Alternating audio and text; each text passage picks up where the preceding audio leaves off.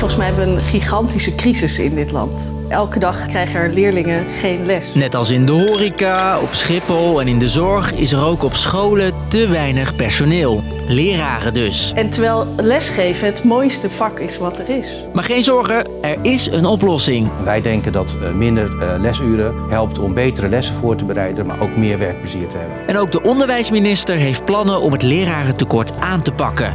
Maar is het genoeg? Ik ben Jasper en dat leg ik je uit. Lang verhaal kort. Een podcast van NOS op 3 en 3FM. Oh ja, uh, voor de les begint. Ik heb het deze podcast enkel over de problemen op middelbare scholen. Maar ook op basisscholen is het personeelstekort groot. Dat is eigenlijk een podcast op zich. Oh, de bel voor het lesuur. Oh, wacht, er is helemaal niemand vandaag. Nou, weet je nog hoe chill dat was vroeger? Tussenuurtje. Maar uitval is geen uitzondering meer op middelbare scholen. En dat is lastig voor scholieren. Bijvoorbeeld we hebben economie veel uitval. En normaal gesproken is het dan gewoon gelijk een vervanging. Maar nu hebben we gewoon twee weken lang geen les gehad. Maar ook voor docenten, zien zelfs de leerlingen. Veel leerkrachten moeten meerdere vakken doen tegelijkertijd. En dat is niet zo handig. Dat geldt bijvoorbeeld ook voor Etienne. Ik ben geen docent. Maar u geeft ook een ander vak. Ik geef ook wiskunde. En dat niet alleen. Ik heb geen diploma voor wiskunde. Op de grootste vacaturesite voor het onderwijs staan op dit moment twee keer zoveel vacatures als vorig jaar rond deze tijd. Dat zorgt voor een enorme werkdruk bij docenten, wat dan weer voor extra uitval zorgt. En dat heeft dan weer effect op, je hoort het al, de kwaliteit van de lessen. Ik ben gewoon een beetje bang dat ik omlaag mijn advies ga of niet haven kan halen, dat er een leraar tekort is. Hoe gaan we dit oplossen? Zomaar een pot met extra leraren opentrekken? Dat gaat niet zomaar. Overal is er te weinig personeel. En mensen opleiden of omscholen, dat duurt even. Is wel hard nodig, maar daar hebben we nu nog niks aan. Wat dan wel? Dit zegt de Onderwijsbond. Zorgen dat uh, leraren minder les geven, zodat ze meer tijd hebben voor ontwikkeling en professionalisering. En daarvoor zou je weer moeten kijken naar de onderwijstijd. Docenten zijn zo druk bezig met lesgeven dat ze geen tijd meer hebben om de boel voor te bereiden. Moet ik even uitleggen.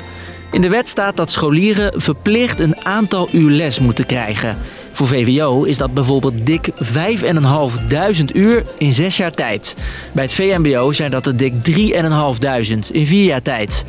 Haal je die verplichting eraf, dan gaat de kwaliteit van de lessen omhoog. En is er ook minder werkdruk, zegt de bond. Leraren geven in verhouding met landen om ons heen ook heel veel les. Het kan echt minder, zodat er ook meer ruimte is voor ontwikkeling. En dat er ook meer tijd is voor de begeleiding van kinderen. Het is trouwens niet voor het eerst dat er gedoe is over die verplichte urennorm.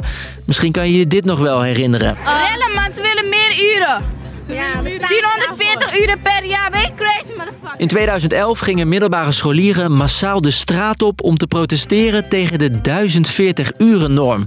Ze wilden minder les omdat ze zich opgehokt voelden. Maar de Tweede Kamer vond ieder jaar dik 1000 uur in de klas helemaal prima.